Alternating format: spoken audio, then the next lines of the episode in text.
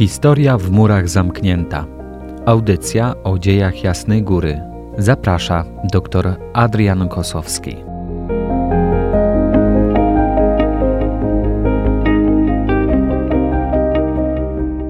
Po wakacyjnej przerwie, w nowym sezonie, w pierwszym odcinku audycji Historia w murach zamknięta, dr Adrian Kosowski omawiać będzie temat Sanktuarium Jasnogórskie w pierwszych latach powojennych po zakończeniu II wojny światowej. W godzinach popołudniowych 16 stycznia 1945 roku do Częstochowy wjechały pierwsze rosyjskie czołgi, co spowodowało, że już kilka godzin później żołnierze Wehrmachtu w dużym pośpiechu opuszczali miasto. W następnym dniu mieszkańcy bardzo boleśnie odczuli obecność żołnierzy sowieckich, którzy wysadzili obiekty wojskowe, palili składy broni i domy. W całym sanktuarium jasnogórskim wyleciało wiele szyb, a nawet kilka drzwi z futryn. Działania sowieckiej armii spowodowały wiele zniszczeń w mieście, ale także i dużo ofiar w ludziach. Obawiano się, że klasztor jasnogórski został zaminowany przez Niemców, dlatego zarządzono przebadanie całego terenu. Na wałach i w magazynach leżał pozostawiony sprzęt, a przed szczytem w ziemnym wgłębieniu znaleziono wiele sztuk amunicji oraz miny. Żołnierze sowieccy przybyli na Jasną Górę w poszukiwaniu Niemców. Ze wspomnień Paulinów dowiadujemy się, że wielu oficerów i żołnierzy salutowało do zakonników po wojskowemu, okazując w ten sposób szacunek, ale bardzo często zdarzało się, że żołnierze grabili co się da, a przede wszystkim rowery i zegarki. Był taki przypadek, że jednemu z zakonników zapytanemu o godzinę wyrwano zegarek na łańcuszku. W rzeczywistości ogólna atmosfera wyzwolenia niewiele różniła się od hitlerowskiej okupacji. Wiedząc, co się dzieje po wkroczeniu armii sowieckiej, 19 stycznia rozpoczęto w kaplicy przed cudownym obrazem błagalną nowennę do Matki Boskiej za ojczyznę o odwrócenie groźby komunizmu. Bardzo szybko okazało się, że radość z powodu odejścia Niemców i wyzwolenia miasta przez Rosjan była jedynie pozorna. Więcej w tym temacie dr Adrian Kosowski. Obserwatorzy przemian, jakie w tym czasie zachodziły na ziemiach polskich, także tutaj w Częstochowie, tutaj są zgodni w takiej opinii, że mm, celem, y, można powiedzieć, tego powstającego rządu komunistycznego, który instalowała Moskwa, y, było y, zjednanie sobie przychylności sanktuarium jasnogórskiego. Oprócz tego ten nowo organizujący się skład rządu starał się, aby opinia publiczna postrzegała go y, jako taki rząd lojalny wobec Kościoła. Dążyła także do tego, aby wojska sowieckie były również y, odbierane jako takie tolerancyjne wobec praktyk religijnych. Z tego też y, względu sowieckie władze wojskowe tutaj wymusiły na przeorze klasztoru takie pismo, podobne w swej treści do tego oświadczenia sprzed pięciu lat, które zostało y, wystawione na żądanie okupanta niemieckiego. To zaświadczenie z 5 lutego 1945 roku, y, no, no tu potwierdzało, że klasztor jasnogórski y, nigdy nie był celem ataków armii sowieckiej która od momentu wkroczenia do Częstochowy nie mieszała się w sprawy kościelne ani w praktyki religijne. Ponadto y, podkreślano również, że y, te budynki zajmowane przez wojska Wehrmachtu, które zostały po ewakuacji opuszczone, no sanktuarium jasnogórskie już otrzymało z powrotem i wojsko sowieckie ich nie zajmowało w żaden sposób. W dość niepewnej sytuacji świętowano y, dzień 3 maja 1945 roku, czyli tu to połączone święto Konstytucji 3 maja i także święto kościelne, nazywane świętem Królowej Korony Polskiej. Nowy rząd y, oczywiście tego święta nie akceptował, ale w tym okresie jeszcze, w tym całym takim zamieszaniu, jakie panowało, no, nie był w stanie tutaj stwarzać żadnych trudności w jego obchodzeniu. Polskie społeczeństwo, pomimo takiej ciężkiej sytuacji, jaka zapanowała w kraju po właśnie wejściu y, wojsk sowieckich, no, szukało takiej duchowej pomocy, takiego narodowego odrodzenia. I tutaj e, społeczeństwo właśnie spoglądało na jasnogórskie wzgórze. Nie może zatem dziwić, że polscy biskupi, którzy pozostali przy życiu, którzy funkcjonowali w różnych warunkach, swoją działalność e, rozpoczęli właśnie tutaj od e, częstochowskiego sanktuarium. I tak pierwsze spotkanie odbyło się 26 czerwca 1945 roku. Przewodniczył mu pod nieobecność prymasa Augusta Chlonda arcybiskup krakowski Adam Sapiecha. Zjazd ten biskupów zapoczątkował takie doroczne zebrania całego już episkopatu na Jasnej Górze. Y, zresztą warto zaznaczyć, że zwyczaj ten jest y, tak naprawdę kontynuowany z drobnymi przerwami do y, dzisiaj. Bardzo mocno ten kierunek popierał ówczesny wówczas prymas Chląd, a także później jego następca kardynał Stefan Wyszyński.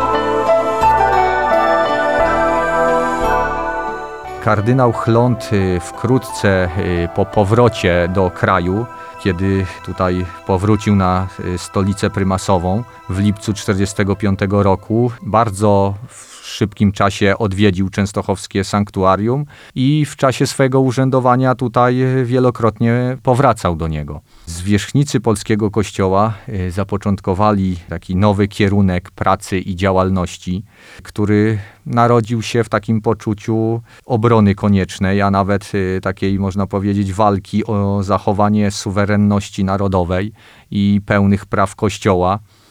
Y, wbrew tej właśnie stalinowskiej polityce y, narzuconej wraz z wejściem Armii Czerwonej do Polski. W roku 1945 biskupi obradowali tutaj w Częstochowie w klasztorze jasnogórskim trzykrotnie i za każdym razem y, wydawali takie stanowcze komunikaty i orędzia do narodu które były takie przepełnione troską, a także przestrzegały wobec tej ewidentnej y, ateizacji państwa i łamania zasad demokracji. Y, w dniu 8 września 1946 roku, mimo y, trudności gospodarczych, także komunikacyjnych, na Jasnej Górze zebrała się półmilionowa rzesza pielgrzymów. Ksiądz kardynał August Chląd, prymas Polski, E, wraz z całym episkopatem poświęcił Kościół w Polsce niepokalanemu sercu Maryi. Następnie e, dwa lata później już e, na łożu śmierci prymas August Chląd wypowiedział takie ważne słowa, które stały się takim testamentem swego rodzaju dla polskiego narodu. Powiedział on: Zwycięstwo, jeśli przyjdzie, przyjdzie przez Maryję. Jego następca, kardynał Stefan Wyszyński, kiedy rozpoczynał kierowanie kościołem w Polsce, mówił y, otwarcie, że stawiamy na Maryję. Wraz z umacnianiem się rządu komunistycznego, który podległy był Moskwie, y, coraz silniejsze y, stawały się także represje wobec Kościoła. Takim symbolem tej walki władzy ludowej y, z religią katolicką stało się uwięzienie zwierzchnika polskiego kościoła, kardynała Stefana Wyszyńskiego, co nastąpiło we wrześniu roku 1953. Wydarzenie to y, no, tak wyraźnie pokazywało, jaki kurs y, przyjęła władza komunistyczna wobec kościoła w Polsce. Dla e, częstochowskiego sanktuarium e, ważnym wydarzeniem było także otwarcie 28 maja 1955 e, roku w sali maryjnej. Niezależnej, a także niezatwierdzonej przez władze państwowe wystawy, która była poświęcona 300. rocznicy obrony Jasnej Góry w roku 1655. Wystawa ta budziła od samego początku zastrzeżenia i sprzeciw władz państwowych, głównie z tego powodu takiego jednoznacznego odniesienia do czasów aktualnych, które tutaj symbolizował właśnie portret uwięzionego prymasa Polski. Był on umieszczony w centralnym miejscu tej wystawy i portretowi towarzyszyły zazwyczaj e, świeże kwiaty.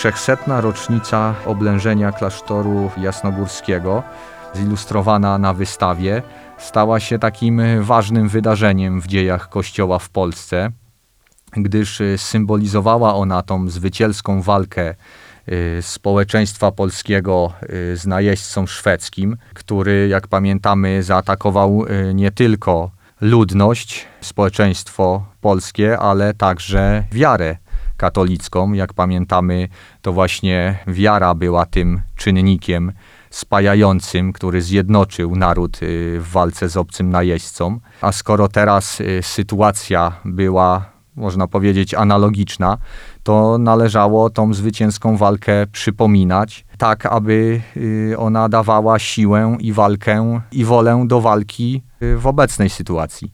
Jest y, bardzo prawdopodobnym także, że rocznica obrony klasztoru y, pobudziła polskie społeczeństwo do takiego religijnego i politycznego zrywu, którego y, apogeum tutaj mieliśmy w roku 1956 i w efekcie czego nastąpiły te ważne przemiany w pierwszym przesileniu stalinizmu w Polsce. Rocznica obrony częstochowskiego klasztoru y, była takim wstępem do tej dalekosiężnej polityki Kościoła w Polsce, którą tutaj skrystalizował przebywający w więzieniu prymas Wyszyński. Nawiązał on do 300. rocznicy ślubów y, Jana Kazimierza w Lwowie, które tak jak y, kiedyś ukierunkowane były tutaj i na dziękczynienie, i na odnowę ducha narodu przez y, nabożeństwo do Najświętszej Marii Panny. No i także w obecnych warunkach miały przypominać te same zadania i konsekwencje.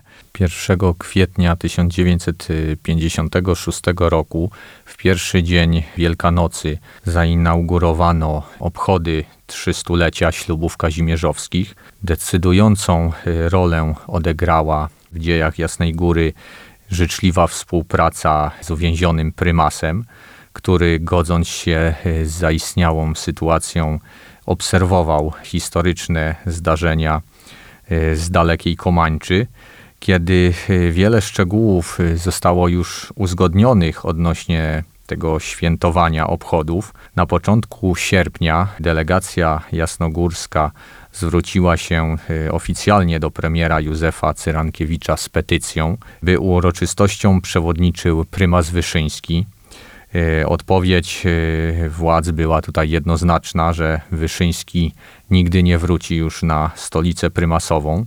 Na początku sierpnia z Jasnej Góry rozesłano około 8 tysięcy zaproszeń w których y, informowano wszystkich proboszczów o nadchodzących uroczystościach. Następnie Zambon, y, społeczeństwo polskie, zapoznało się z samą ideą ślubów.